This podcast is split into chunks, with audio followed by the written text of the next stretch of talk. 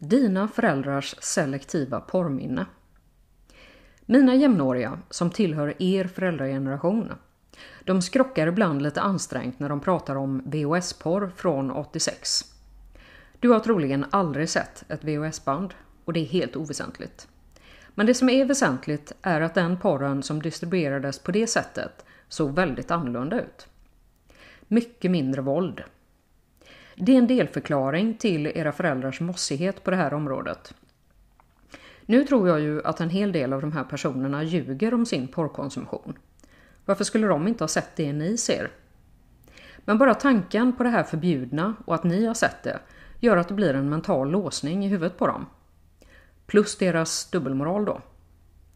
Jag kan bli lite trött på dem när de säger så, men det beror på att de är rädda att ni ska råka illa ut.